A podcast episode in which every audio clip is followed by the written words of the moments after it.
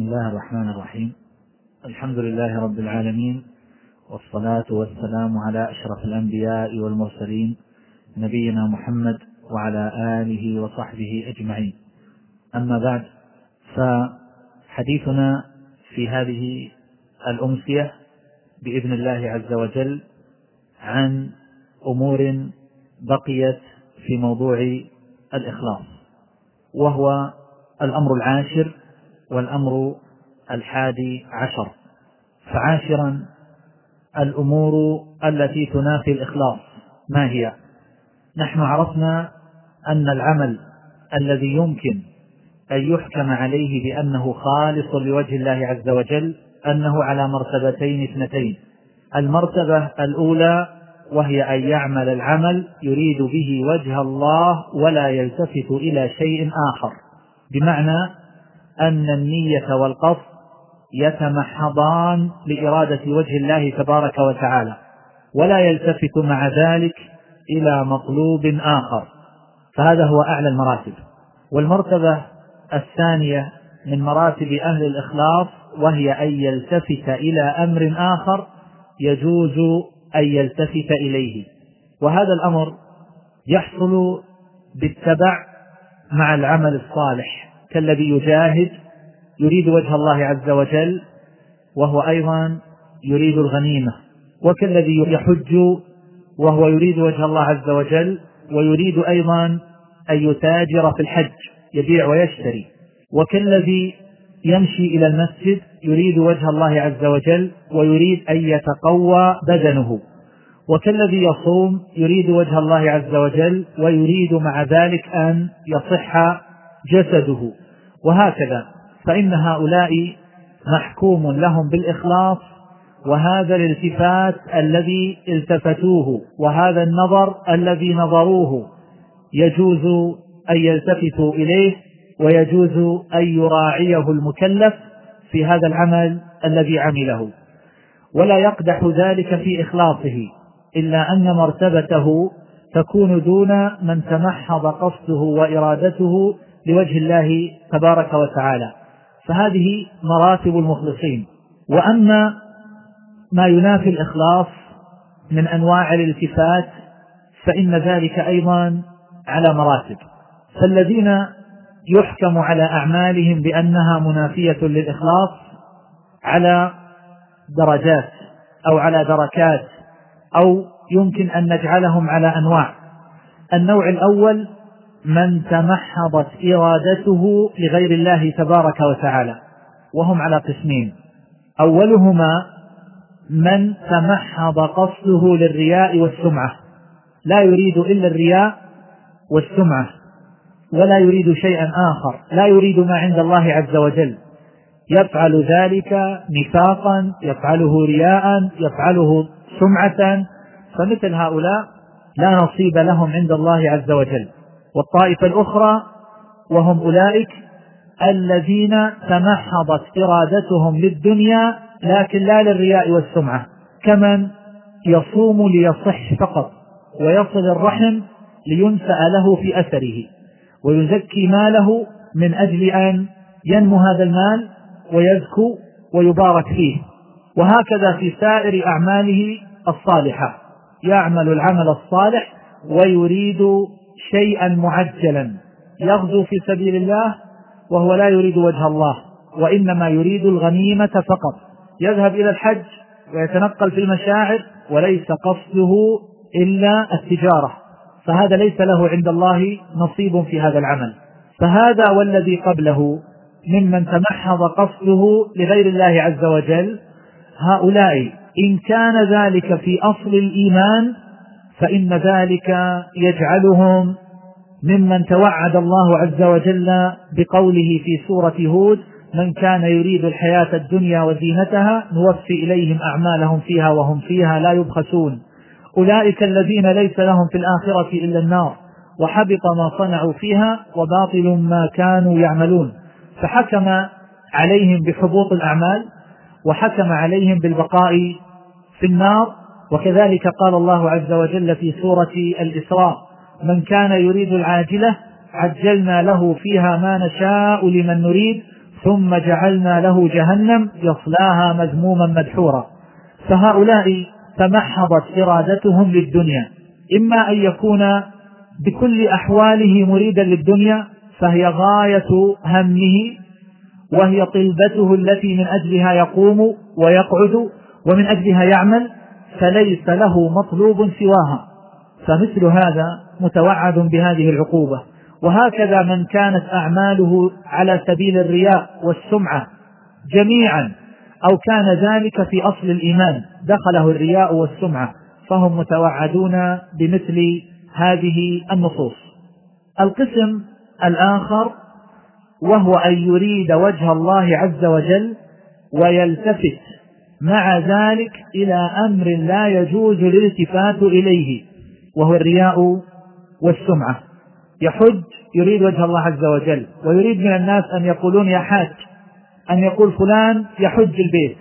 يجاهد يريد وجه الله عز وجل ويريد مع ذلك أن يقال فلان مجاهد أو شجاع. وهكذا يتصدق لإرادة وجه الله عز وجل ويريد أن يقال أيضا فلان جواد وهكذا. فهؤلاء لا نصيب لهم عند الله عز وجل في هذا العمل. والنبي صلى الله عليه وسلم يروي عن ربه تبارك وتعالى أنه قال أنا أغنى الشركاء عن الشرك. من عمل عملا أشرك فيه معي غيري تركته وشركه. وبهذا الاعتبار صار التشريك في النية على نوعين. نوع يشرك فيه العامل بأمر يجوز التشريك فيه وهو أمر مباح يجوز أن يلتفت إليه المكلف ويحصل على سبيل التبع كالذي يدرس العلم الشرعي ليحصل علما وليتعبد الله عز وجل بذلك وأيضا وليحصل شهادة أو ليحصل جائزة أو غير ذلك فهذا عمله صحيح مقبول. وأما الالتفات الثاني فهو المحرم وهو أن يلتفت مع إرادة وجه الله عز وجل إلى أمر يحرم الالتفات إليه الرياء والسمعة. فصار الالتفات على قسمين قسم محرم وقسم جائز.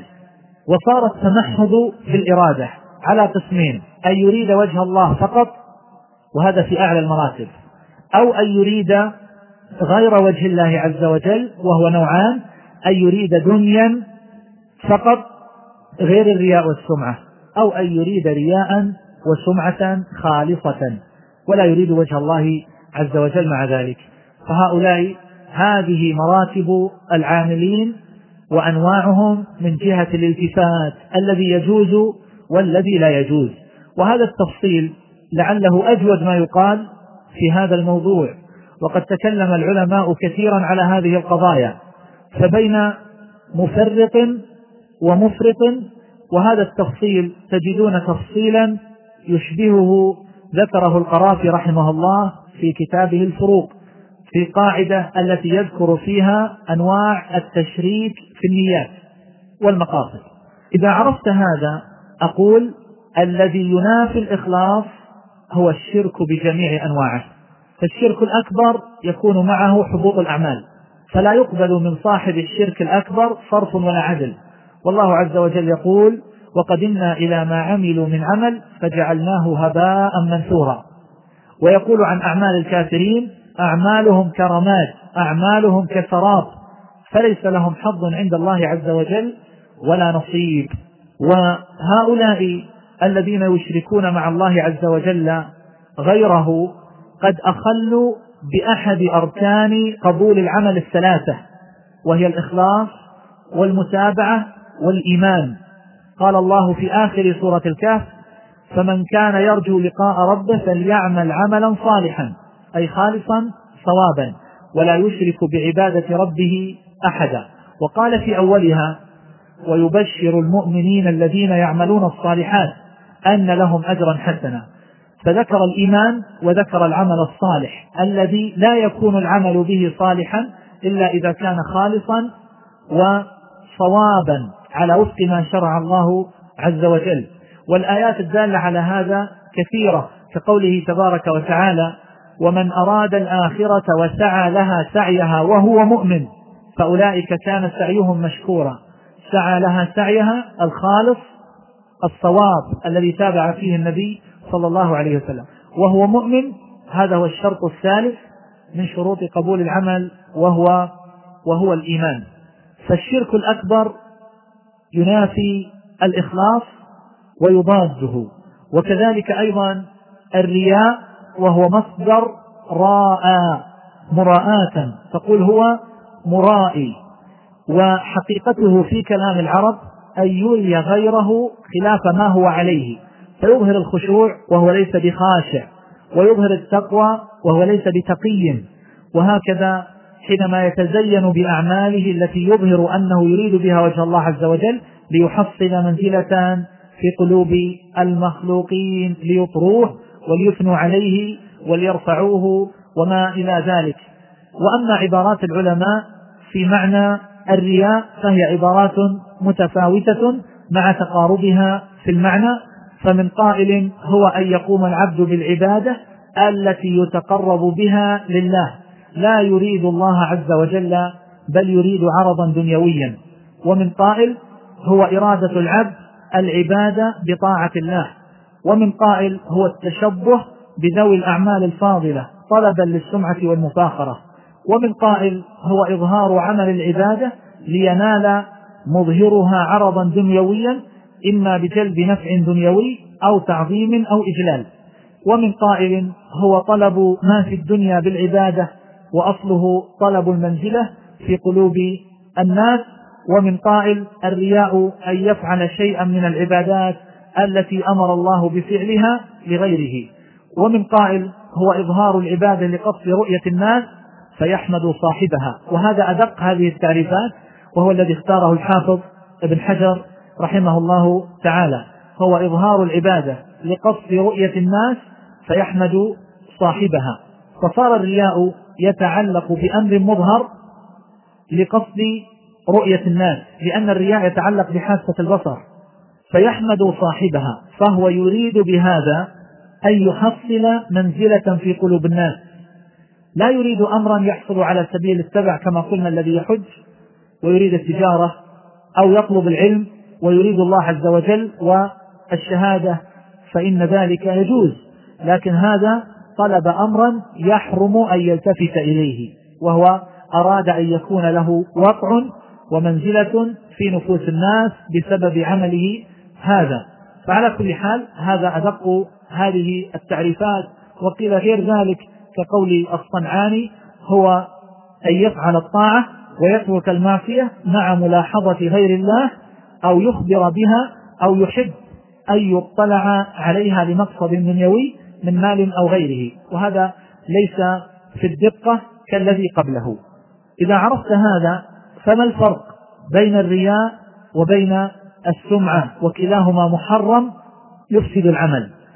فيقال الرياء يتعلق بحاسة البصر. يقوم أمام الناس يصلي ويظهر الخشوع. يقوم أمام الناس ويخرج الصدقة. وهو يريد أن يحصل منزلة ومحمدة في قلوب هؤلاء الناس. فهذا الرياء. وأما السمعة فإنها تتعلق بحاسة السمع وعليه فالتسميع لا يكون إلا بالأمور التي تسمع كقراءة القرآن وذكر الله تعالى. ويلحق بها ما فعله الإنسان من الأمور التي ترى كالصلاة والجهاد والصدقة وما إلى ذلك مما لم يطلع عليه أحد ولكنه تحدث به. وأخبر عنه فصار بذلك مسمعان. فهذا هو السمعة. السمعة تتعلق بحاسة السمع كقراءة القرآن والذكر وما إلى ذلك أو أن يتحدث عن أعماله أو أن يكتب عنها أو أن يطلب أن يكتب ذلك عنه. ف وعلى ذلك فإن الرياء لا يدخل في العبادات القلبية التي لا يطلع عليها الناس كالخوف والرجاء والمحبة والتقوى والتوكل والإشفاق وبالتالي فإن الرياء لا يدخل بها ولا يتعلق بها. ولكن السمعة تدخلها.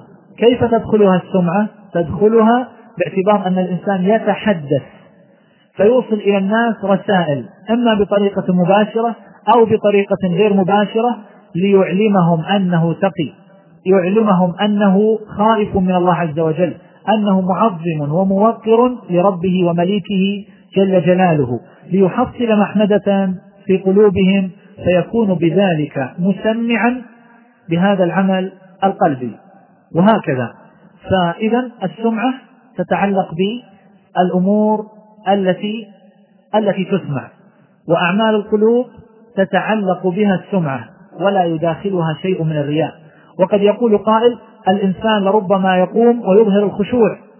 يظهر الخشوع على جوارحه. أليس ذلك من الرياء؟ نقول هذا الذي أظهره هو أثر من آثار الخشوع.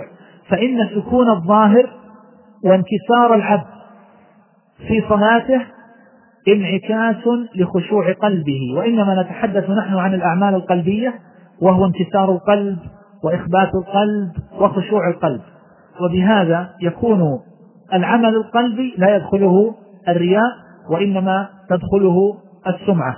والتسميع ينقسم إلى قسمين تسميع الصادقين وتسميع الكاذبين وكلاهما باطل ومتوعد صاحبه بالعقوبة وعمله مردود. أما تسميع الصادقين فهو أن يعمل العمل لوجه الله عز وجل لا يطلع عليه الناس. ثم إذا أصبح بدأ يتحدث وبدأ يذكر الأعمال التي قام بها. وأنه صلى كذا ركعة في الليلة الماضية وأنه بكى طويلا عند الآية الفلانية وهو يريد بذلك منزلة في قلوب الناس. لا يقصد معنى صحيحا وإنما يقصد معنى باطلا. فهذا تسميع الصادقين. عمل عملا أخلص فيه لله عز وجل فأبطله وأفسده بحديثه عنه. نسأل الله العافية. القسم الثاني وهو تسميع الكاذبين. فهذا كلابس ثوب يزور متشبع بما لم يعطى. وهذا أقبح من الأول. جمع بين الرياء وجمع بين التسميع أو أنه عمل أعمالا سمع بها وهو كاذب لم يعملها. كالذي يخبر عن نفسه أنه قتل كذا وكذا من الأعداء ليحصل منزلة في قلوب الخلق. وأنه يصلي كذا وكذا وأنه يصوم كذا وكذا إلى آخره وهو غير صادق. فهذا متشبع بما لم يعطى ومسمع أيضا بأكاذيب. فهذا أسوأ من الأول. وكذلك لو أنه عمل أعمالا أمام الناس يرائي بها ويريد بها غير وجه الله عز وجل ويشرك فيها بالنية تشريكا محرما وهو الذي ذكرت لكم الرياء. فمثل هذا إذا رأى بعمله الظاهر أمام الناس ثم انصرف منهم وجلس مع آخرين لم يروه ولم يشاهدوه فجلس يتحدث أيضا عن أعماله التي التي هو مراء فيها بالأصل أمام من شاهدوه. فجمع بين الرياء وجمع بين السمعة فنسأل الله العافية. هذا حينما عمل العمل وشاهده الناس وهو يعمله كان من المرائين فهو كاذب بهذا العمل لا يريد به وجه الله عز وجل. وهذا هو تسميع الكاذبين. نسأل الله لنا ولكم العفو والعافية. بعد ذلك أقول ما الفرق بين الرياء وبين العجب؟ العجب قد يبطل العمل. والله عز وجل يقول ولا تبطلوا أعمالكم. فإبطال الأعمال بالمن والأذى في الصدقة مثلا وإبطال الأعمال أيضا بالعجب والزهو الذي يحصل للعبد بعد ذلك بدلا من الانكسار. المؤمن يستغفر بعد الانصراف من الصلاة ثلاثا وهو فرغ من عبادة. وإذا قضى مناسكه في الحج الله يقول له اذكروا الله كذكركم آباءكم أو أشد ذكرا هذا بعد الفراغ من العبادة. يكثر من الذكر والاستغفار ويلهج بذلك. أما أن يمتلئ العبد زهوا وإعجابا فإن هذا ينافي الإخلاص. والفرق بين الرياء والعجب أن الرياء من باب الإشراك بالخلق هو يلتفت إلى المخلوقين لينظروا إليه ليحمدوه ليعظموه. وأما العجب فإنه إشراك بالنفس يلتفت إلى نفسه وأنه بذل وقدم وعمل وأنه جاد بهذه الأعمال الصالحة وبهذه الصدقات تتعاظم نفسه. فالرياء إذن هو إشراك بالخلق والعجب إشراك مع النفس أو إشراك بالنفس. فالعمل الصالح أيها الإخوان قد يعرض له الرياء أو السمعة أو العجب فيكون ذلك سببا لبطلانه وحبوطه. بعد ذلك أنتقل إلى نقطة أخرى وهي ما السبب في أن الإنسان يرتكب هذه المهالك؟ ما الذي يجعل الإنسان يرتكب هذه الأخطار؟ ينفق النفقات التي لربما تكون كثيرة ثم تكون أوزارا على ظهره يوم القيامة. ويقوم الليل طويلا وينهك جسده ويصوم نهارا طويلا في شدة الحر ثم هو يرائي أو يسمع. فيكون قد رجع بخيبتين اثنتين بالتعب في الدنيا وبالعذاب في الآخرة. ما الذي يحمل العبد على ركوب هذه الأخطار وعلى هذه التضحيات الجسام أذكر بما ذكرته سابقا من صعوبة الإخلاص. ولماذا كان الإخلاص صعبا على النفوس؟ وذلك أن الداعي إلى الرياء قوي في النفس لأن النفوس حبب إليها الشهوات وزينت لها والإنسان بطبعه الله المستعان مجبول على حب الترأس. والظهور والعلو ومجبول على حب المحمدة. الطفل الصغير حينما تثني عليه ترى أثر ذلك في وجهه وفي جوارحه. وإذا ذممته رأيت أثر ذلك في وجهه وفي جوارحه. فهذه أمور جبلت عليها النفوس أنها تحب الحمد وتكره الذم. وكثير من الناس يعادي من ذمه وإن كان محقا. ولذلك الناس يتحاشون بيان العيوب للآخرين والقيام بواجب النصيحة لئلا تحصل لهم نقمة من هذا الإنسان فيتغير عليهم بسبب أنهم ذكروا بعض معايبه. ولكنه إذا ذكروه ببعض الأوصاف الحسنة يطرب. لذلك فمن طبيعة الإنسان أنه يحب الثناء والحمد كما قال القائل يهوى الثناء مبرز ومقصر. حب الثناء طبيعة الإنسان. حب الثناء طبيعة الإنسان. ولا نكون قد بالغنا لو قلنا إن الداعي إلى الرياء والسمعة أعظم من الداعي إلى الشرك الأكبر. لأن النفوس مجبولة على التوحيد والشرك الأكبر مناف للفطرة. كيف يعبد الحجر والشجر؟ كيف تعبد هذه المخلوقات؟ الأرضية من دون الله تبارك وتعالى. هذا أمر ينافي الفطرة السليمة. ولذلك أنكر بعض من عاش في أزمان الجاهلية أنكر على المشركين تلك المعبودات ولم يسمعوا نبيا من الأنبياء ولم يقرأوا كتابا من الكتب ومع ذلك أنكروها بفطرتهم. لكن محبة المحمدة محبة الثناء من الناس هذه أمور متمكنة في النفوس. يصعب على الإنسان أن يتخلص منها. فنفسه تميل إليها ميلا شديدا وتنجذب إليها وتشده شدا. ولا تزال نفس الإنسان تحركه حتى يتحدث بأعماله. ولا يزال الإنسان تدعوه نفسه الأمارة بالسوء والهوى إلى أن يرائي بهذا العمل ليحصل محمدة ومنزلة في قلوب الخلق.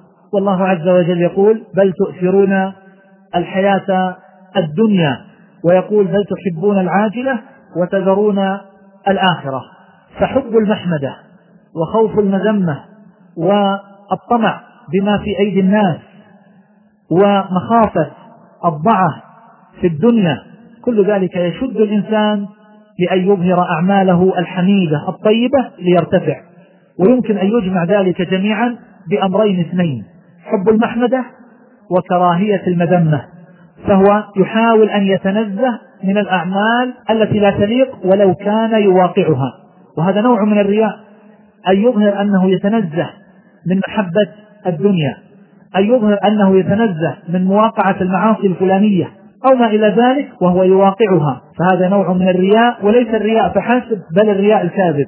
وكذلك إذا أظهر أنه يعمل الأعمال الصالحة أنه يقوم على الأرامل والفقراء والمساكين فإن كان صادقا فهذا رياء الصادقين.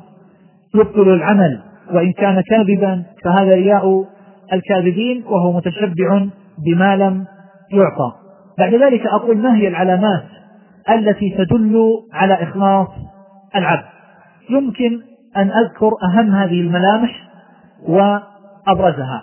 أول هذه العلامات أيها الإخوة والأخوات هي أن يكون همه انتشار الخير وظهور الحق وتدين الناس بهذا الحق الذي جاء به الرسول صلى الله عليه وسلم سواء كان ذلك ظاهرا على يده أو ظاهرا على يد غيره. المقصود تكسير الخير وتقليل الشر سواء كان ذلك بجهده وبتوفيق الله عز وجل له وأن يكتب ذلك ويقال فلان هو الذي عمل المشروع الفلاني فلان هو صاحب الفكرة فلان هو الذي بذل الجهود من أجل الحصول على الترخيص لهذا العمل وهو الذي جمع أموال المتبرعين آه، وما إلى ذلك؟ أو أن ذلك لم يذكر ولم يطلع عليه أحد فالناس لا يعرفونه وما سمعوا به قط وإنما الذين ظهروا في الصورة هم قوم آخرون فهو لا يهتم بذلك لا يلتفت إليه. هذا هو المخلص. الشافعي رحمه الله كان يقول وددت أن الخلق تعلموا هذا العلم على أن لا ينسب إلي منه حرف. وهو علم جم. على أن لا ينسب إلي منه حرف. فأين هذا ممن يرفع قضية في المحكمة على طالب علم لأنه اقتبس بعض الاقتباسات في رسالته الماجستير أو الدكتوراه من كتاب هذا العظيم المؤلف الذي لا نظير له في عالم المؤلفين من البشر في زعمه اقتبس بعض الاقتباسات ولم يذكر الإحالة إلى كتابه المبجل. دعوة تقام في محكمة على طالب علم بحجة أنه لم يشر إلى كتاب هذا الإنسان الذي نقل منه. العلماء لا زال ينقل بعضهم من بعض وكثير منهم لا يشير ولا يحيل. فعلى أي شيء وقفت النفس والمخاصمة والمنازعة من إنسان ينتسب إلى العلم. أين أنت من قول الشافعي؟ وددت أن الخلق تعلموا هذا العلم على أن لا ينسب إلي منه حرف. وكان يقول ما ناظرت أحدا قط على الغلبة. ما نظرته لأغلبه. لاحظ حسن القصد من البداية. يقول ووددت إذا ناظرت أحدا أن يظهر الحق على يديه. ولهذا ما ناظر الشافعي رحمه الله رجلا إلا غلبه. الشافعي يغلبه وهذا بسبب إخلاصه وحسن قصده.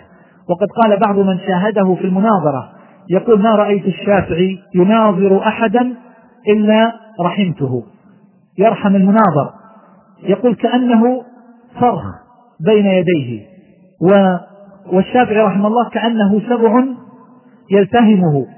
فهو يورد عليه الحجج من هنا وهنا وذاك لا يدري كيف يجيب. فأقول هذا الإمام الشافعي رحمه الله تعالى. وقد ذكر بعض أهل العلم مثلا يوضح ذلك وهو أن الواعظ مثلا أو المحاضر أو المدرس أو الداعية إلى الله عز وجل إذا وجد في مكانه رجل أو حل البلد أحد هو أفقه منه وأعلم منه وأبلغ منه واستمال قلوب الناس وأذعنوا له واستفادوا منه, منه وتاب على يده خلق أكثر من الذين تابوا على يد الأول يقول إذا كان مخلصا فإنه لا يتبرم. ويفرح أن قد كفي وأن هذا الخير قد ذاع وانتشر وانتفع الخلق بهذا الهدى. وأما إذا كان في إخلاصه نظر فإنه يتبرم بذلك ويغضب.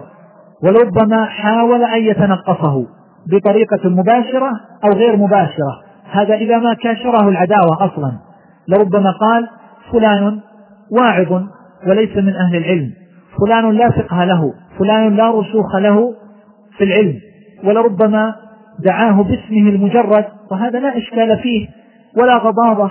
فنحن نقول أبو بكر وعمر لكن إذا جرى العرف أن يقال عن العالم العالم الفلاني وما إلى ذلك ويقال للجميع إلا هذا إذا ذكرته قلت فلان سميته باسمه فقط أو باسم عائلته أو نحو ذلك فقط فهذا يدل على أنك تريد انتقاصه وحط منزلته ولكن هيهات هيهات فإن الإخلاص مسك مصون في مسك القلب ينبئ ريحه على حامله فمهما كان الإنسان يعمل ويبذل فإنه إن لم يرد وجه الله عز وجل لا يرجع إلا بالخيبة. وإذا كان الإنسان مخلصا جعل الله عز وجل له القبول. فلا حاجة للتعب ولا حاجة للاستماتة بالنظر إلى المخلوقين كما ذكرنا سابقا.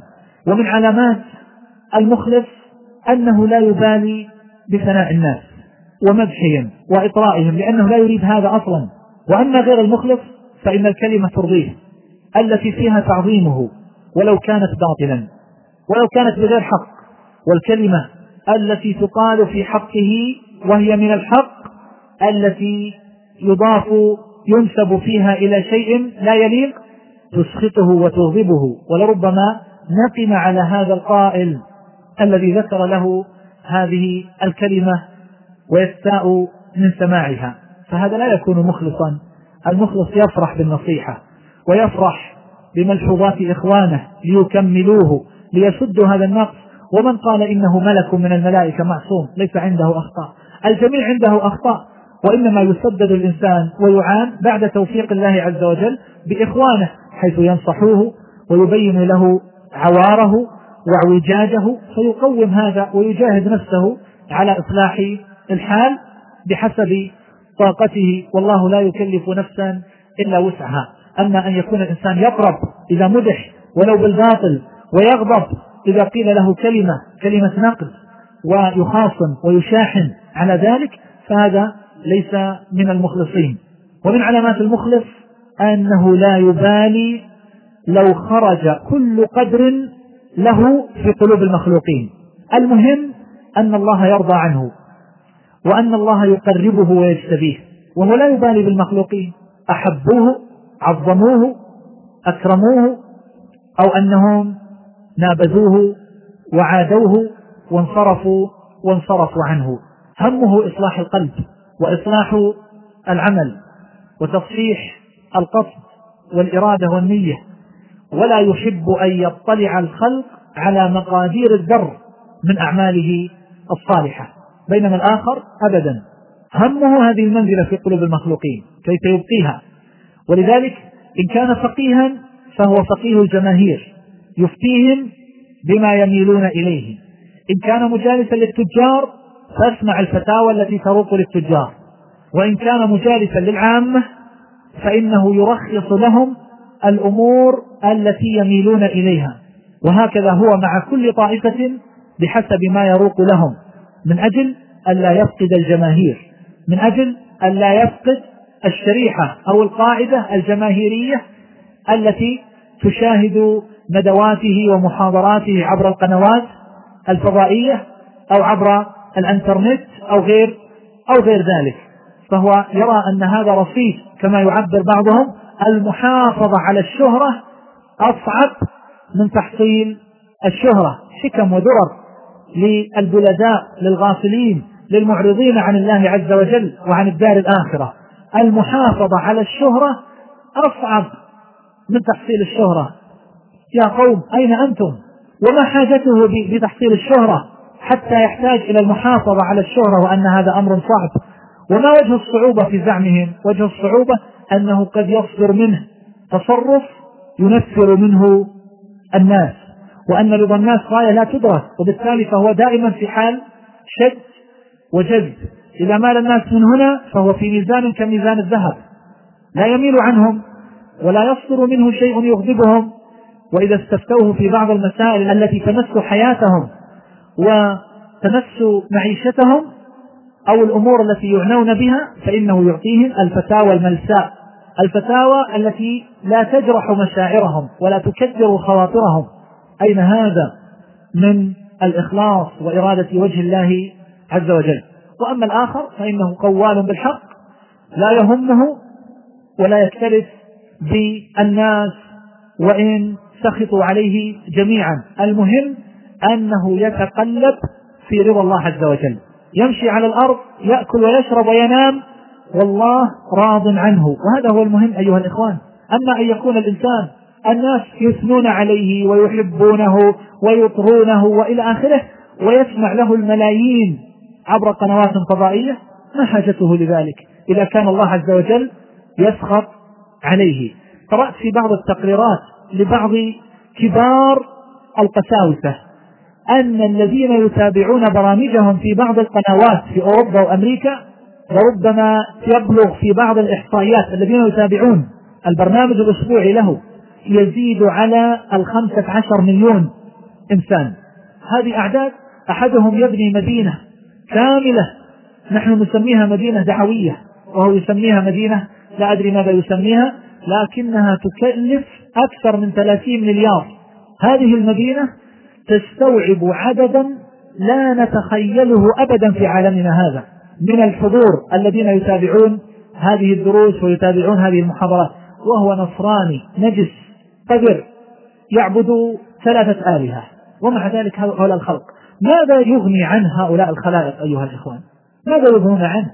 هو يضلهم وتنتشر أخطاؤه بينهم والمؤمن هو الذي يبلغ حكمة الله عز وجل ويخاف من الزلل ويخاف أن لا يوفق فيخذل ويجري الخطأ على لسانه ومن يعصم من ذلك ثم ينتشر بين الناس بسبب زلته ويخطئ فئام من الناس بسبب غلطه.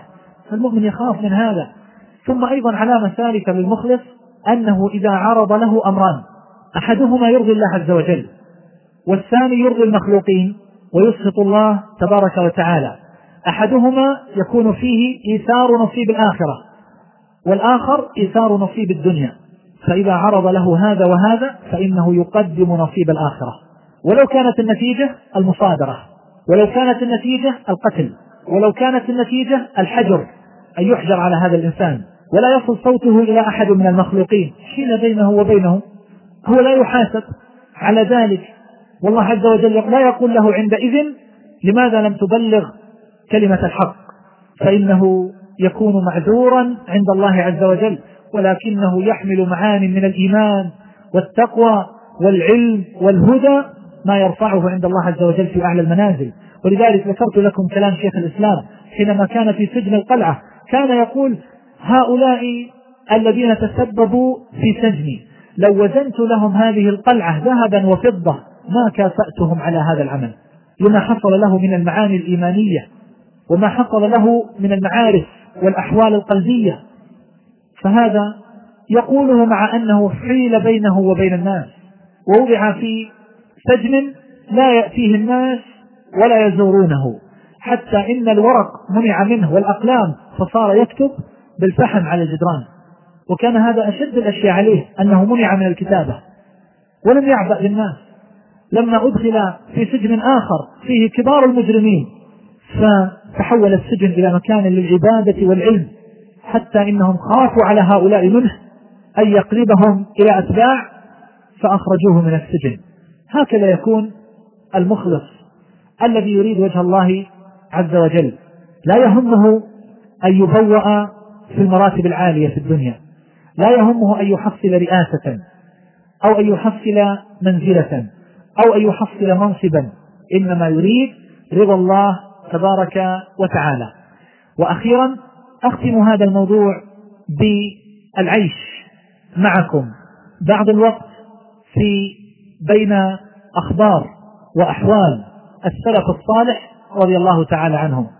وهو حديث شيق يجذب النفوس وترق له القلوب وفيه عبرة لمن يعتبر. نحن بحاجة كثيرا أيها الإخوان إلى النظر دائما في أحوال السلف الصالح في عبادتهم في تقواهم في ورعهم في خوفهم في إيمانهم في إخفائهم للعمل الصالح. نحتاج إلى معرفة أحوالهم في كل شأن من شؤونهم. قد يتقاصر الإنسان أمام الأنبياء عليهم الصلاة والسلام ويقول هؤلاء أيدهم الله عز وجل بالوحي لكن هؤلاء ممن نذكر أخبارهم لم يكن الوحي ينزل عليهم. وعامة هؤلاء الذين اخترت لكم خبرهم إن لم يكونوا جميعا ليسوا أيضا ممن شاهدوا النبي صلى الله عليه وسلم ليسوا من أصحاب رسول الله عليه الصلاة والسلام وإنما هم ممن جاء بعدهم. فعن أي شيء نتحدث من شؤونهم ومن أحوالهم. إذا تحدثنا عن شرطهم على استحضار النية في كل شيء نجد عجبا. بعضهم يقول إني لأستحب أن يكون لي في كل شيء نية حتى في أكلي وشربي ونومي ودخول الخلاء. والإمام أحمد يقول لابنه يا بني انوي الخير فإنك لا تزال بخير ما نويت الخير. يربون أولادهم على استحضار النية في كل عمل يعملونه. ونافع بن جبير رحمه الله قال له قائل ألا تشهد الجنازة؟ هذه جنازة قد حضرت. ألا تشهد الجنازة؟ قال كما أنت. انتظر قليلا حتى أنوي. أراد أن يحدث نية وليس معنى ذلك أن ينطق بالنية نويت أن أشهد الجنازة أو أن أصلي على الجنازة كما يفعله بعض الجهال. لا وإنما رأى أن قلبه لم يستحضر نية تصلح أن يتقرب بها إلى الله عز وجل فقال كما أنت حتى أنوي. إذا نظرنا إلى كتمانهم للأعمال الصالحة ماذا نجد؟ يقول الحسن البصري رحمه الله إن كان الرجل جمع القرآن وما يشعر به الناس حينما يختم القرآن حفظا لا يخبر كل أحد ويمشي ويتحدث أنا حفظت القرآن وإنما يكتم ذلك ولا يشعر به أحد.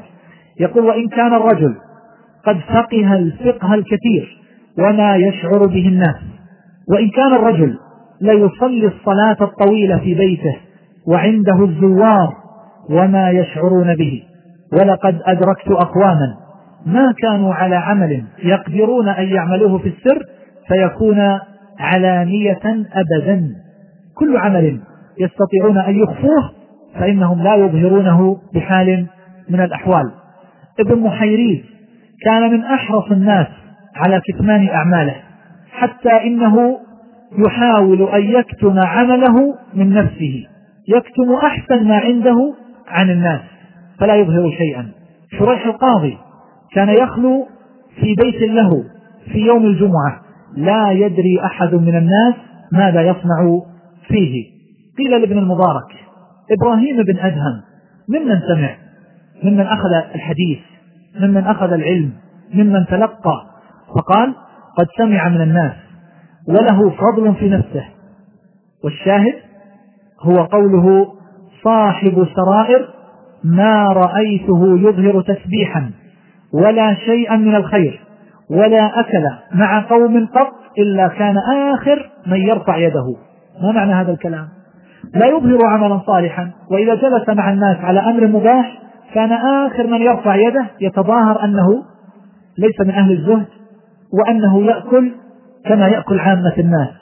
لا يقوم أولهم ليقول قائل فلان يقيم صلبه بلقمة أو لقمتين وإنما يكون مظهرا لهم أنه يأكل معهم كأنه يشاركهم في ذلك الأكل أجمع طيلة الوقت. فيكون آخر من يرفع يده لئلا يلتفت إليه أحد ويقول فلان ما شاء الله لا يأكل إلا قدرا قليلا بقدر ما يقيم الصلب. وفي عالم الجهاد في سبيل الله عز وجل كيف كانوا يكتمون العمل؟ عبد الله بن المبارك حينما خرج في غزو بلاد الروم فالتقى المسلمون بالعدو وخرج علج من العدو يطلب المبارزة ويجول بين الصفين. فخرج له رجل من المسلمين فما أمهله قتله العلج. وخرج الثاني وقتله وخرج الثالث فقتله. فبرز له رجل آخر فصاوله ثم قتل العلج.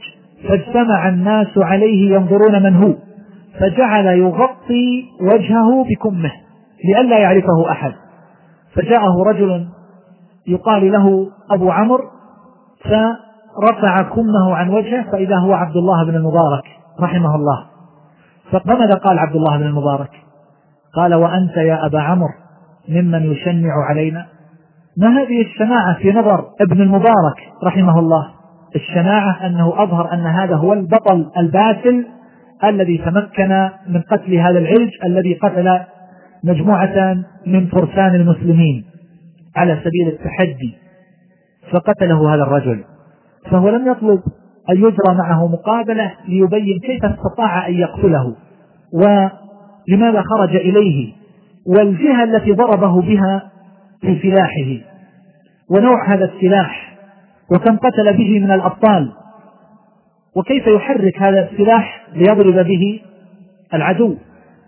كيف يتقدم وكيف يتأخر؟ لم يطلب شيئا من ذلك. كان يغطي وجهه في كمه. يريدون ما عند الله تبارك وتعالى. وهذا رجل آخر وقع في حصار من وقع في حصار حاصره المسلمون للروم. وطال هذا الحصار. واشتد الانتظار على المسلمين. وأحرقتهم سهام العدو.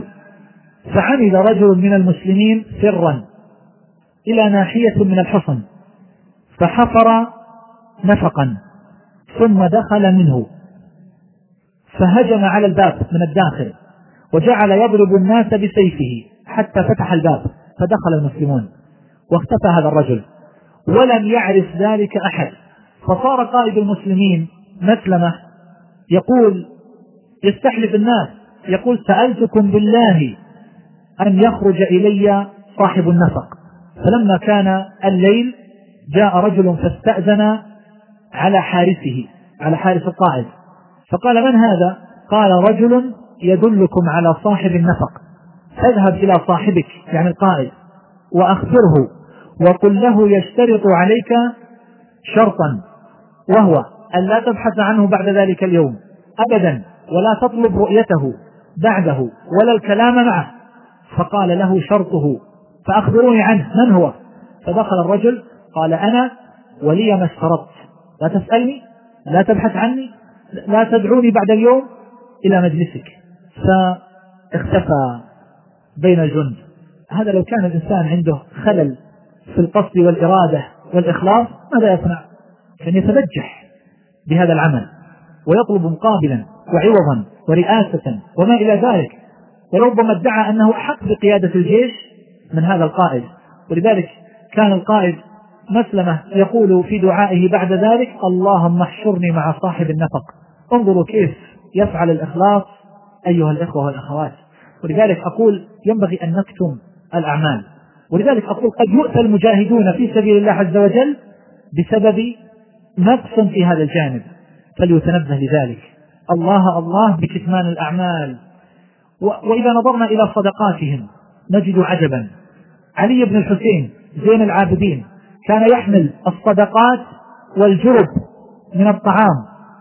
إذا كان الليل يحمل ذلك على ظهره ويوصل ذلك إلى بيوت الأرامل والفقراء في المدينة ولا يعلمون من وضعها. وكان لا يستعين بخادم ولا عبد ولا غير ذلك لئلا يطلع عليه أحد. وبقي على ذلك سنوات طويلة. وما كان الناس من الفقراء والأرامل يعلمون كيف يأتيهم هذا الطعام والنفقات. فلما مات وجدوا في ظهره آثارا من سواد. فعلموا أن ذلك بسبب ما كان يحمله على ظهره من الأحمال من الطعام التي يوصلها إلى هؤلاء الفقراء. وعرف الفقراء والأرامل والأيتام من الذي كان يوصل إليهم الصدقات؟ فمن قطعت صدقة السر في المدينة في ذلك الوقت حتى مات علي بن الحسين زين العابدين رحمه الله تعالى.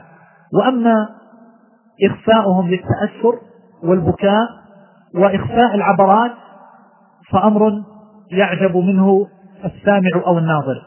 أيوب السختياني إمام كبير من أئمة التابعين وعاب وعابد من عبادهم جمع بين العلم والعبادة والزهد.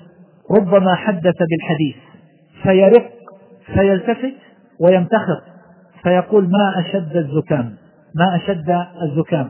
ليوهم السامعين أن هذه الدموع أو أن هذا الذي عرض له إنما هو بسبب بسبب الزكام لا بسبب الخشوع والبكاء من خشية الله عز وجل. ما أشد البكاء. أين هذا ممن يتصنع البكاء أمام الناس؟ في أماكن حافلة بالمصلين. لا أقول يبكي يغلبه البكاء فمن غلبه البكاء فأمره إلى الله. هو يحاول أن يدافع ذلك بحيث لا يسمع له صوت ويكون ذلك في قلبه لكن إذا غلبه البكاء فسمع الناس بكاءه فهو غير ملوم. لكن أن يتباكى يتكلف البكاء في صلاته في قراءته أمام الناس فهذا أمر مذموم. الإنسان لا يستطيع أيها الإخوان وهو في الأحوال العادية أن يضبط نفسه في جميع الأحوال أن يضبط الخطرات والسكنات وجميع إرادات القلب إلا بصعوبة بالغة. فكيف إذا كان يتصنع مثل هذه الأشياء وإن كان يقصد بها وجه الله عز وجل؟ تصنع البكاء التباكي من أجل تحصيل البكاء يكون حينما يكون الإنسان بين أربعة جدران لا يراه إلا الله عز وجل. فإن لم يحضر له البكاء والخشوع يتباكى من أجل أن يبكي. أما أن يكون هذا أمام جموع الخلائق أمام آلاف المصلين فهذا أمر لا يليق البتة. ولا يحسن بالإنسان أن يفعله. يقول الحسن البصري رحمه الله إن كان الرجل لا يجلس المجلس فتجيئه عبرته فيردها فإذا خشي أن تسبقه قام. لا يريد أن يراها الناس وهو يكفكف دموعه. وأما محمد بن واسع رحمه الله فكان يقول إن كان الرجل ليبكي عشرين سنة وامرأته معه لا تعلم وأظنه يعني نفسه. من اطلع منكم على سيرة محمد بن واسع رحمه الله يرى عجبا. كأنها ترجمة إنسان ليس فيه إرادات وشهوات ونزوات وغرائز. آية في العبادة والزهد والتقوى والورع والخوف من الله عز وجل. أما شقيق بن سلمة رحمه الله فكان يصلي في بيته وينشج نشيجا. لو جعلت له الدنيا على أن يفعله وأحد يراه ما فعله. ووقف رجل يصلي في المسجد فسجد وجعل يبكي بكاء شديدا.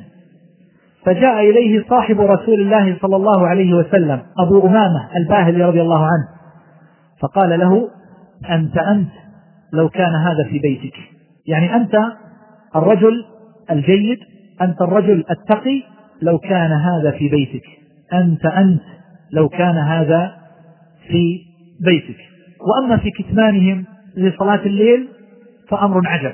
كان الواحد منهم كما قال بعض السلف يدخل في فراش زوجته ثم يخادعها كما ذكرنا سابقا كما تخادع المرأة صبيها فينسل لصلاة الليل إذا نامت دون أن تشعر به.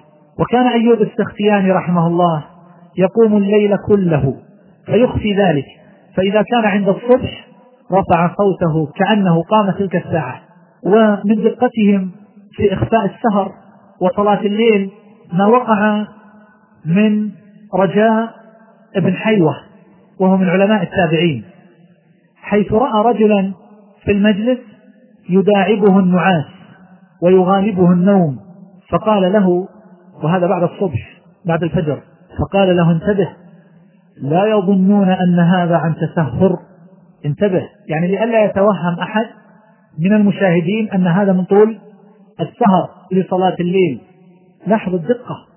هذا رجل الآن ما جلس يصلي ويرائي ولا جلس ينعس. والنعاس ضعف في الإنسان وفتور طبيعي يعتريه. ولربما إذا رأيت إنسانا ينعس في مجلس الدرس لربما استصغرته ومع ذلك يقول له انتبه لا يدخل عليك الشيطان من هذا المدخل من النعاس. لئلا يظن الناس أن هذا عن تسهر. بل إن عبد الرحمن بن أبي ليلى كان يصلي في بيته فإذا شعر بأحد قطع صلاته النافلة ونام على فراشه كأنه نائم. فيدخل عليه الداخل ويقول هذا لا يفطر من النوم. غالب وقته على فراشه نائم. وما علموا أنه يصلي ولكنه يخفي ذلك عليهم. وصحب رجل محمد بن أسلم فقال لازمته أكثر من عشرين سنة. لم أره يصلي حيث أراه ركعتين من التطوع في مكان يراه الناس إلا يوم الجمعة. وسمعته كذا وكذا مرة يحلف يقول لو قدرت أن أتطوع حيث لا يراني ملكاي لفعلت خوفا من الرياء. وكان يدخل بيتا له ويغلق الباب. لا ندري ما يصنع. يقول ومرة سمعت ابنا له صغير يحكي بكاءه يقلده في البكاء. الولد الصغير يقلد والده في البكاء. فقالت له أمه اسكت. يقول فسألتها قالت إن أباه يدخل هذا البيت يعني حجرة في البيت غرفة فيقرأ ويبكي فيسمعه الصبي فيحكيه. الصبي يحاكي الأب بالبكاء يقلده. الصبي يلعب يقلد الأب فالأم تقول له اسكت. وكان إذا أراد أن يخرج من هذه الحجرة غسل وجهه واكتحل لئلا يرى عليه أثر البكاء. وكان يصل قوما بالصدقة. ويقول لمن يرسله يقول له انظر لا يشعر بك أحد ولا يطلع عليك أحد. وجاء رجل وهذه من من أعجب الأشياء. يقال له حمزة ابن دهقان جاء لبشر الحافي العابد الزاهد المعروف فقال له أحب أن أخلو معك يوما. فقال لا بأس نحدد يوما لذلك. يقول فدخلت عليه يوما دون أن يشعر فرأيته قد دخل قبة فصلى فيها.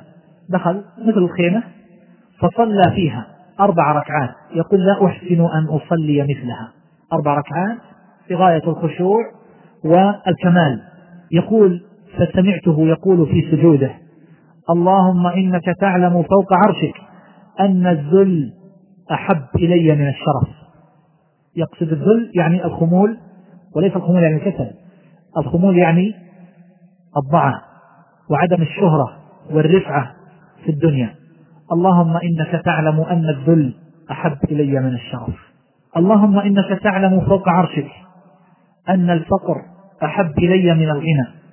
اللهم إنك تعلم فوق عرشك أني لا أوثر على حبك شيئا. هذا كلام صعب. يصعب على الإنسان أن يقوله ويشهد الله عز وجل عليه فكان يقوله في هذا المكان.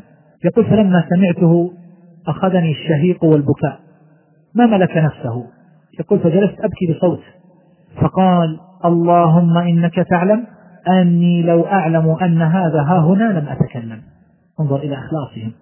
وانظر إلى مناجاته لربه تبارك وتعالى في السر ماذا يقول. وأما إخفاء الصيام فعجب أيضا. داود بن أبي هند ذكر في ترجمته أنه صام أربعين سنة لا يعلم به أهله. وذكرت لكم ذلك فيما سبق. قلت كان يخرج في مهنته. فيأخذ معه غداءه إذا خرج من أهله. فيتوهمون أنه مفطر فيتصدق به في الطريق ثم يرجع في آخر النهار إلى أهله فيطعم معهم. طبعا قد لا نتصور هذا لكثرة ألوان الطعام الذي نأكله نحن في الإفطار أما هم كشربة ماء وثمرات فأيضا مما يتعلق بإخلاص السلف رضي الله تعالى عنهم دقتهم وتحريهم في هذا الباب. وشدة ما كان عندهم من اليقظة والحذر في قضية الإخلاص ودفع ما يضاد ذلك. هذا أبو الحسن القطان العالم المعروف من أئمة السنة. كان يقول أصبت ببصري يعني أصابه العمى وأظن أني عوقبت لكثرة كلامي أيام الرحلة. يقول هذا العمى الذي أصابني لعله بسبب عقوبة لكثرة كلامي لأن كلامه يكون فيه إظهار للعلم وسعة الحفظ بطريقة تلقائية وإن لم يقصد ذلك. يقول الذهبي رحمه الله بعد أن ساق هذا في السير يقول صدق والله فقد كانوا مع حسن القصد وصحة النية غالبا يخافون من الكلام وإظهار المعرفة.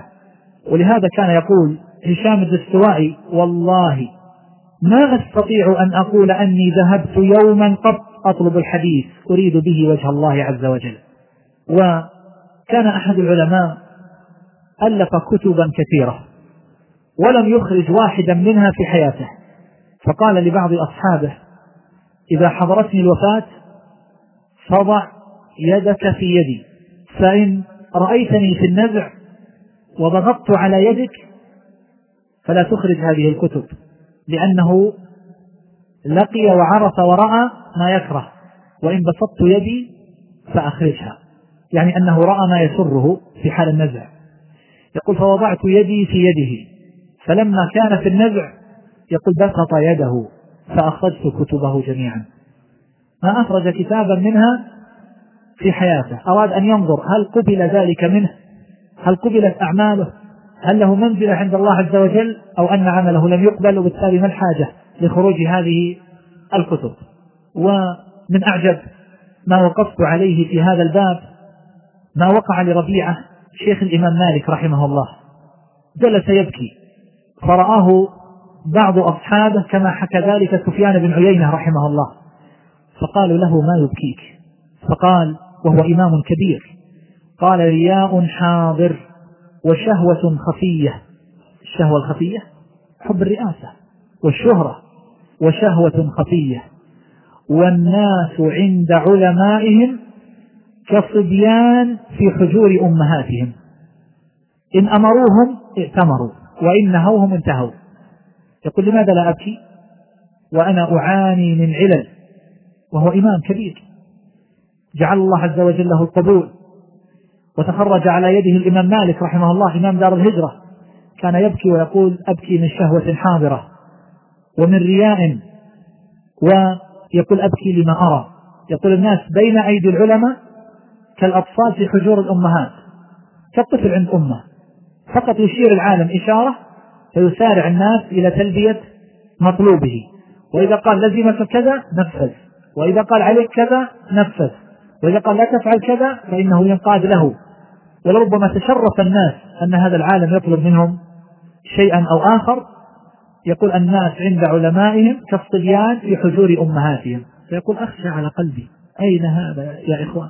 أين هذا ممن يستميت في تحصيل مثل هذه الأمور الدنيئة المنحطة اجتمع الفضيل بن عياض وسفيان الثوري يوما فجلسوا يتذاكرون شيئا من الرقاق. فرق كل واحد منهما وبكى. فقال سفيان الثوري رحمه الله أرجو أن يكون هذا المجلس علينا رحمة وبركة. فماذا قال الفضيل بن عياض؟ قال لكني يا أبا عبد الله أخاف ألا يكون أضر علينا منه. ولاحظ العلة التي علل بها.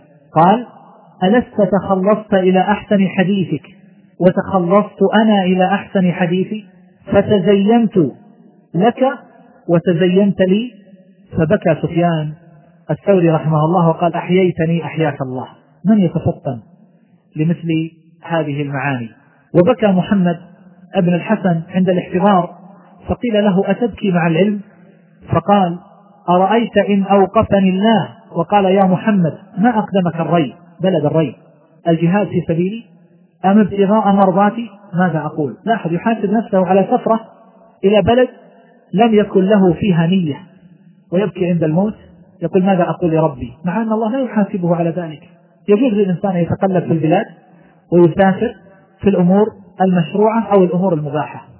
ومن أعجب أخبارهم أن عبد الرحمن بن مهدي رحمه الله الإمام المعروف كان يجلس يوم الجمعة إلى سارية ويتحدث يحدث الناس يفقههم يعلمهم.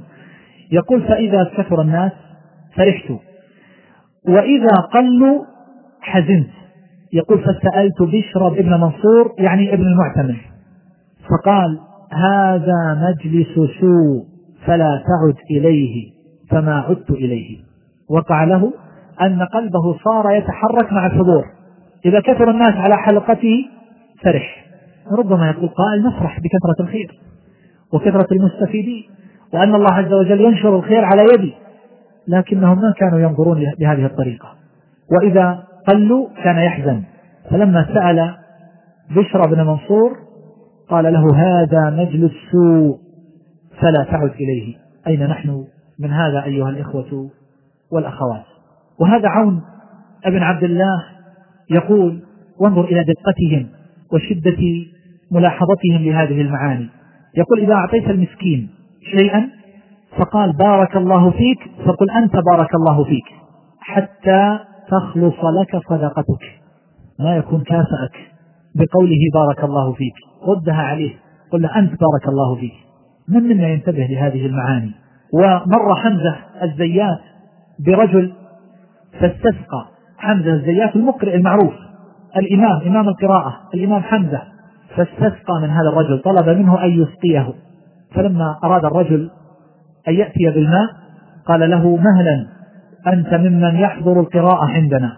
أليس كذلك؟ قال نعم. قال لا حاجة لي في مائك.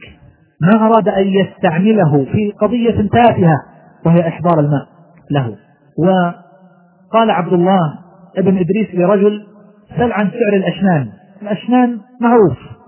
الذي يوضع للتنظف عند الاغتسال بدلا من الصابون الذي نستعمله اليوم. يقول سل عن سعر الأشنان. ثم قال لا تسأل عنه فأنت ممن يكتب الحديث عني وأنا أكره أن أسأل من يسمع عني الحديث. أكره أن أسأل من يسمع عني الحديث. أين هذا ممن؟ لا يقرأ حتى يرهق شواهد هؤلاء الطلبة بحاجاته الشخصية. يذهبون به إلى السوق ويشترون له أغراضه ويحضرونها إلى منزله. ولربما صنعوا له طعامه. وهذا أمر ليس من المبالغة يا إخوان. هذا أمر موجود أحدث عن أشياء أعرفها. ليخرج قيمة هذه القراءة. أنت تريد ما عند الله عز وجل؟ أين هذا ممن لا يقرأ إلا بمبلغ مالي يشترطه على القراءة أو على الختمة أو على الإجازة؟ أين البذل في سبيل الله لإرادة وجه الله عز وجل وحده لا شريك له؟ وكان محمد بن يوسف الأصبهاني لا يشتري خبزه من خباز واحد. يقول لعلهم يعرفونني فيما بعد. إذا ترددت عليه يعرف أني فلان. لكن إذا جئته لأول وهلة ما يعرف أني فلان ليسمع عنه. لعلهم يعرفونني بعد ذلك فتقع منهم المحاباة لي. فأكون ممن يعيش في دينه. خباز. ما يذهب إلى خباز واحد. كل مرة عند خباز آخر. ودخل عبد الله بن محيريز حانوتا. دخل دكانا. أراد أن يشتري ثوبا فقال رجل قد عرفه. قال هذا ابن محيريز فأحسن بيعه. يعني يقول عليك أن تراعيه في البيع. ما فرح قال بارك الله فيك جزاك الله خير. لا خير في أمة لا تعرف لعلمائها قدرهم. لا غضب. وطرح الثوب وخرج وقال إنما نشتري بأموالنا. لسنا نشتري بديننا. إنما نشتري بأموالنا. لسنا نشتري بديننا وأما كراهيتهم للشهرة فأخطارهم في ذلك مستفيضة. كانوا يكرهونها أشد الكراهية. حتى إن إبراهيم بن أدهم رحمه الله قال ما صدق الله عبد أحب الشهرة وقال بشر ابن الحارث لا أعلم رجلا أحب أن يعرف إلا ذهب دينه وافتضح وقال لا يجد حلاوة الآخرة. رجل يحب أن يعرفه الناس وكان مورق العجلي يقول ما أحب أن يعرفني بطاعته غيره. ولما قدم عبد الله بن المبارك المصيصة سأل عن محمد بن يوسف الأصبهاني الزاهد فقال لا فلم يعرفه أحد. فلما لقيه قال من فضلك يا محمد لا تعرف. رأى أن ذلك منقبة أنه مغمور لا يعرفه أهل البلد. وقال أيوب أيضا ما صدق عبد إلا سره ألا يشعر بمكانه. وكان الثوري رحمه الله يقول وجدت قلبي يصلح بمكة والمدينة. لماذا؟ يقول مع قوم غرباء أصحاب بتوت وعناء. يعني عليهم أكسية غليظة. غرباء لا يعرفونني فأعيش في وسطهم؟ لا أعرف كأنني رجل من فقراء المسلمين ومن عامتهم. يقول قلبي يصلح هناك لا يصلح في المكان الذي يعرفني الناس فيه ويقولون هذا سفيان هذا سفيان. فيوسعون الطريق ويتبعونه إذا إذا مشى. وكان الإمام أحمد رحمه الله وهو من هو يقول أريد أن أكون بشعب بمكة حتى لا أعرف. قد بليت بالشهرة. إني أتمنى الموت صباحا ومساء.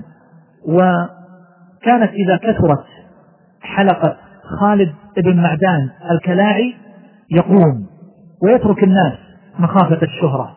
وكان أبو العالية الرياحي رحمه الله إذا جلس إليه أكثر من ثلاثة قام ويقول أبو بكر بن عياش سألت الأعمش كم أكثر ما رأيت عند إبراهيم النخعي الفقيه المعروف؟ قال أربعة خمسة. ويقول أبو بكر بن عياش ما رأيت عند حبيب بن أبي ثابت. ثلاثة قط يعني في المجلس. ويقول أيوب السختياني لأبي مسعود الجريري إني أخاف ألا تكون المعرفة يعني الشهرة معرفة الناس لي أبقت عند الله حسنة. إني لأمر بالمجلس فأسلم عليهم وما أرى أن فيهم أحدا يعرفني فيردون علي ويسألونني مسألة كأن كلهم قد عرفوني فأي خير مع هذا؟ يسألون مسألة علمية مسألة فقهية.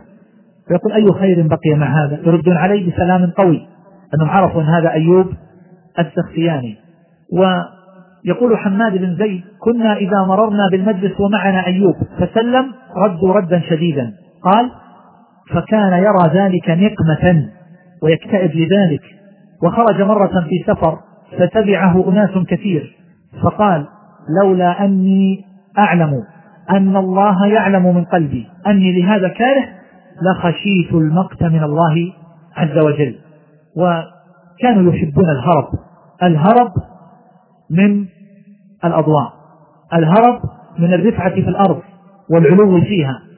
كما قال بشر بن الحارث إنما يراد من العلم العمل. اسمع وتعلم واعلم وعلم واهرب. ألم تر إلى سفيان الثوري كيف طلب العلم فعلم وعلم وهرب؟ وهكذا العلم إنما يدل على الهرب عن الدنيا ليس على طلبها. العلم لا يدل على التكالب والتصارع على الواجهات الاجتماعية أو على ما يؤدي إليها.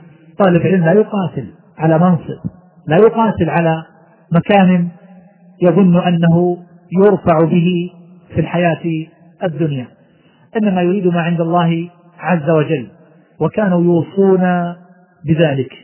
هذا رجل قال لبشر الحافي أوصني. قال أخمل ذكرك وطيب مطعمك. وكان عطاء بن مسلم يقول كنت وأبو إسحاق ذات ليلة عند سفيان الثوري وهو مضطجع عندنا.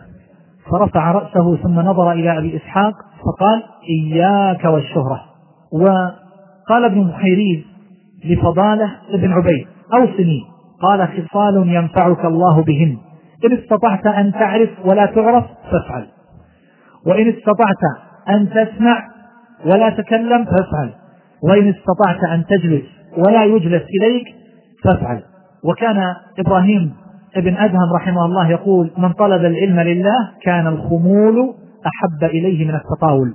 ويقصد بالخمول يعني عدم الشهرة لا الكسل. وقال ابن محيريز اللهم إني أسألك ذكرا خاملا. قيل لعلقمة قال له عبد الرحمن بن يزيد لو صليت في المسجد وجلسنا معك فتسأل. فقال أكره أن يقال هذا علقمة. وكان الإمام أحمد رحمه الله يظهر عليه كثير من الغم. فدخل عليه عمه مرة وقال له يا ابن أخي إيش هذا الغم؟ إيش هذا الحزن؟ فقال له يا عم طوبى لمن أخمل الله ذكره. وسمعتم كلام الشافعي قبل قليل وددت أن الناس تعلموا هذا العلم على أن لا ينسب إلي منه شيء يقصد الكتب التي التي ألفها. وأخيرا هذا سحنون يقول كان بعض من مضى يريد أن يتكلم بالكلمة. لو تكلم بها لانتفع بها خلق كثير فيحبسها. لا يتكلم بها مخافة المباهاة. وليس معنى ذلك أيها الإخوان أن نترك الدعوة إلى الله عز وجل. والجهاد في سبيله والأمر بالمعروف والنهي عن المنكر وتعليم الناس العلم وما إلى ذلك من القيام على الأعمال الخيرية بحجة أننا نؤثر الخمول ولا نريد الشهرة. السلف رضي الله عنهم كانوا يجاهدون وكانوا أئمة في الجهاد وكانوا يعلمون العلم وكانوا أئمة في ذلك وما وصلنا هذا العلم إلا عن طريقهم رضي الله عنهم وكانوا يعظون ويدعون إلى الله عز وجل ويتوب عليهم آلاف البشر. ودخل على أيديهم أقوام وأمم دخلوا في الإسلام وهم الذين فتحوا البلاد. ونشر الله عز وجل الهدى والنور على أيديهم فكان ذلك بسبب فضل الله عز وجل ثم بجهودهم الخيرة. فلا يجوز لأحد أن يقعد في بيته ويترك الدعوة إلى الله عز وجل والأمر بالمعروف والنهي عن المنكر وتعليم الناس العلم ويقول إيثارا للخمول. هذا لا يقوله لا يقوله أحد. وإنما على الإنسان أن يجاهد ويعلم ويدعو إلى الله عز وجل ويأمر بالمعروف وينهى عن المنكر ويجاهد نفسه في مدافعة هذه الأشياء والبعد عن أسباب الرفعة والعلو في الأرض. هذا آخر الكلام على موضوع الإخلاص. وفي الدرس القادم إن شاء الله سنتكلم على اليقين في مجلس واحد بإذن الله عز وجل.